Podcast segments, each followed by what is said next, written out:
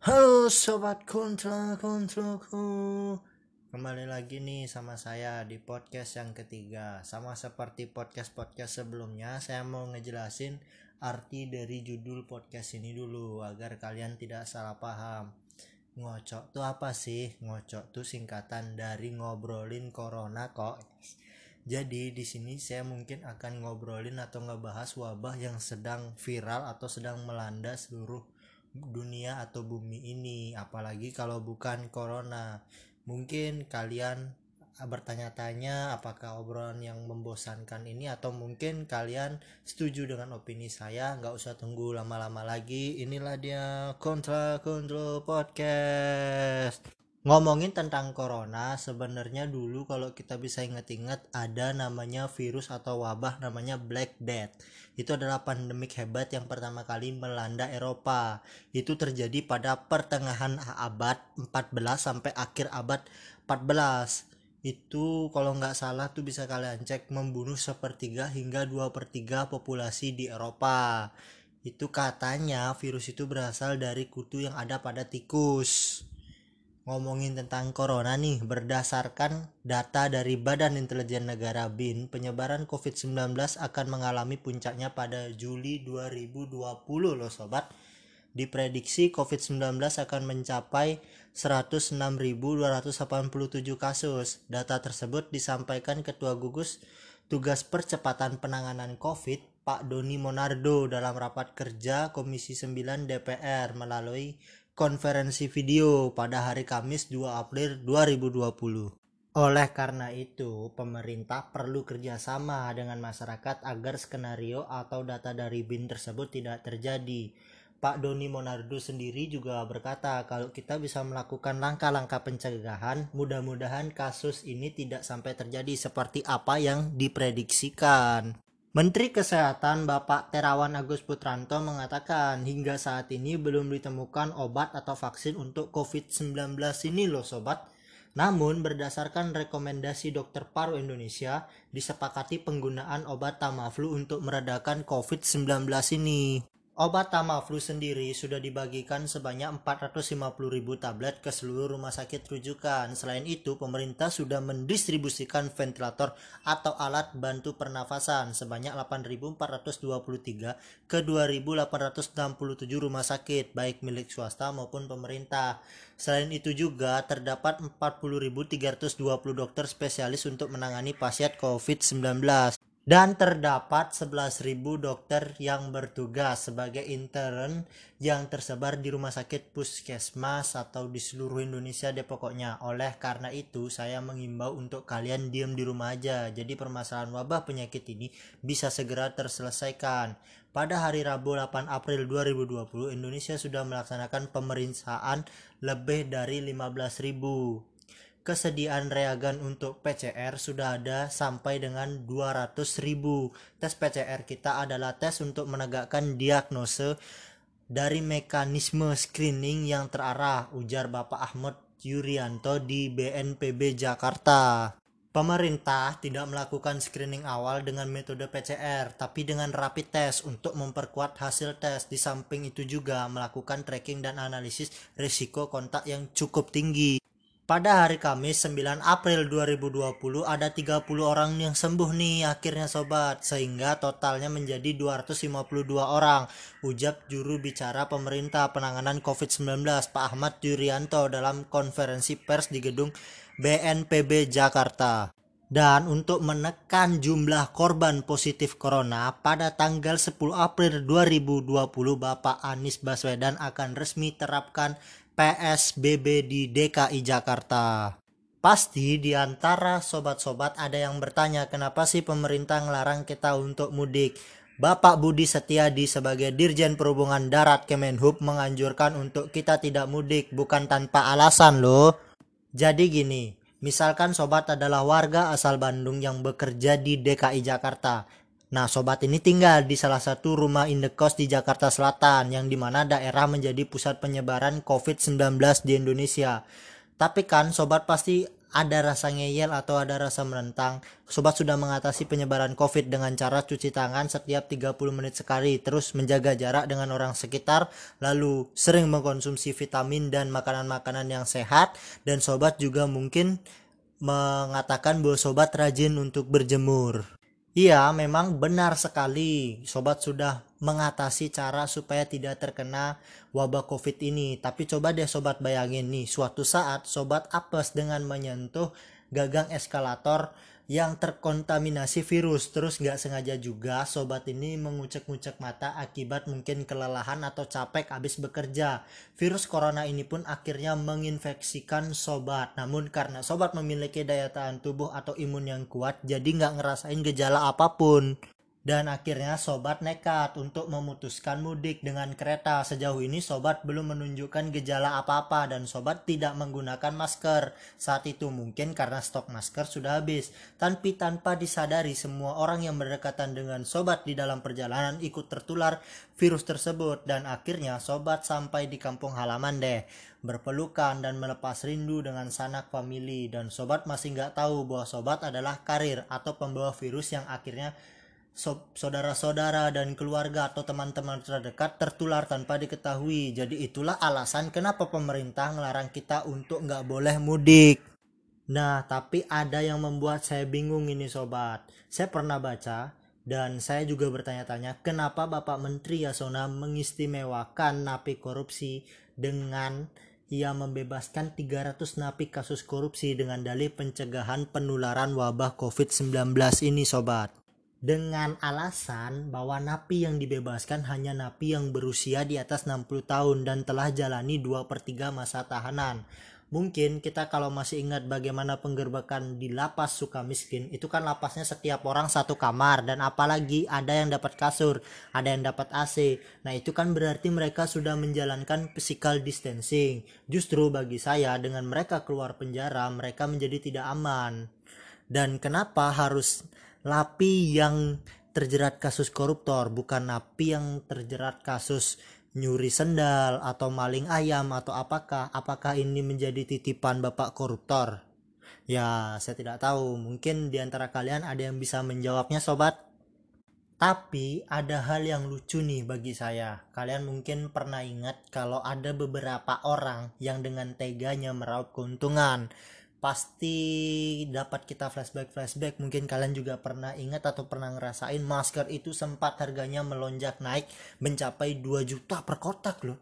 Ini beli masker udah kayak mau kredit motor aja. Hingga masker pada saat itu mungkin menjadi langka dan susah ditemukan atau dicari hand sanitizer pun juga ikut-ikutan melonjak naik loh harganya. Bahkan ada masyarakat juga yang berlomba-lomba memburu jahe merah untuk dipercaya mencegah corona. Dan bahkan ada juga yang dengan tega-teganya mengendapkan bahan makanan.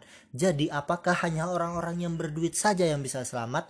Sungguh lucu sekali bukan Eits, tapi tenang aja, sekarang sudah banyak tangan-tangan malaikat yang membantu meringankan masalah ini. Ada yang dari kumpulan mahasiswa-mahasiswa, pelajar-pelajar atau kelompok-kelompok atau organisasi-organisasi masyarakat atau kepala-kepala daerah yang ikut meringankan masalah ini dengan membagi-bagi masker, hand sanitizer, bahkan sembako di jalanan sampai mendatangi rumah-rumah penduduk loh sobat. Tapi yang saya lucukan nih, muncullah pertanyaan seperti ini. Waktu zaman pemilu dulu, banyak yang berlomba-lomba mendekati hati rakyat dengan bagi-bagi kaos partai gratis ke mana-mana, sembako gratis, bahkan ada salam tempel lah istilah. Kenapa sekarang gak ada niatan untuk bagi-bagi masker dan sanitizer atau sembako gratis? Jadi menurut saya tuh kayak gini dalam keadaan kayak gini kita nggak bisa menyalahkan siapa pun. Mungkin karena mental kita lah yang perlu dibenerin. Atau bahkan dipecut-pecut. Karena apa? Karena kita terlalu manja sobat. Karena mental kita tuh hanya menunggu aja terus. Makanya nggak heran jadinya kita menyalahkan presiden lah negara lah. Ngeruh aja terus. Kita tuh karena ter terlalu biasa disuapin Harusnya kitalah yang bergerak untuk sama-sama memerangi wabah masalah seperti ini sobat. Dan dengan adanya wabah virus ini, pembelajaran jadi dipindah ke rumah masing-masing. Dari sistem pembelajaran serba online, tugas online, sampai kelas online. Berarti kan, banyak mahasiswa yang mengeluhkan sebenarnya kita tuh nggak akan mati karena virus jadinya kita mati karena tugas dan juga banyak yang mengeluhkan berarti kita harus perlu duit untuk selalu on untuk membeli kuota. Belum lagi kita disuruh download aplikasi untuk menjalankan kelas online nih sobat. Tetapi ada salah satu kampus ya kita bisa sebut saja TELU membuat terobosan untuk mensubsidi kuota internet untuk mahasiswanya. Dan mungkin kampus-kampus lain bisa mengikuti jejak seperti ini dan bahkan salah satu provider kita Telkomsel itu ada namanya layanan Ilmupedia dan Ruang Guru untuk pelajar-pelajar agar bisa mengerjakan soal atau belajar di rumah. Baru-baru ini juga saya sempat ngobrol dengan Bapak Gojek. Bapak ojol ini berkeluh kesah tentang dikitnya pendapatan pemasukan akibat wabah ini. Mereka itu bisa aja sih sebenarnya diem di rumah, tapi apakah dengan mereka diem di rumah mereka tetap bisa makan? Mau dikasih apa anak istri mereka? Kalau ada mungkin yang punya anak yang sekolah, gimana caranya membelikan kuota untuk anaknya bisa belajar online di rumah? Belum lagi harus membayar tunggakan motor, bayar kontrakan, dan lain-lain. Bapak Presiden sih memang mencanangkan untuk bisa menunda pembayaran tunggakan atau kontrakan. Tapi banyak debt collector yang tetap menagih cicilan atau apa pun itu dan banyak bapak-bapak atau ibu-ibu pemilik kontrakan atau kos-kos tetap menagih. Apakah mereka tidak punya TV atau mereka tidak mengerti wacana dari presiden ini? Atau mungkin mereka tidak mengerti berita ini? Mungkin sobat-sobat bisa membantu menjawabnya mungkin tapi sekarang lagi rame nih di beberapa sosial media. Dengan banyaknya ada orang yang mesen makanan dan minuman kepada bapak driver ojol. Terus makanan dan minumannya ini dikasih secara percuma-cuma kepada bapak driver ojolnya. Saya sangat salut banget dengan aksi seperti ini. Waduh jadi terharu aku tuh. Terus saya juga sempat melihat di salah satu stasiun TV ada namanya Ibu Rubinem umurnya sudah 70 tahun pekerjaannya sebagai tukang kopi di Jakarta yang harus terus mengirimkan ibunya yang sudah berusia 100 tahun di Klaten. Aduh sedih banget deh. Gimana ya?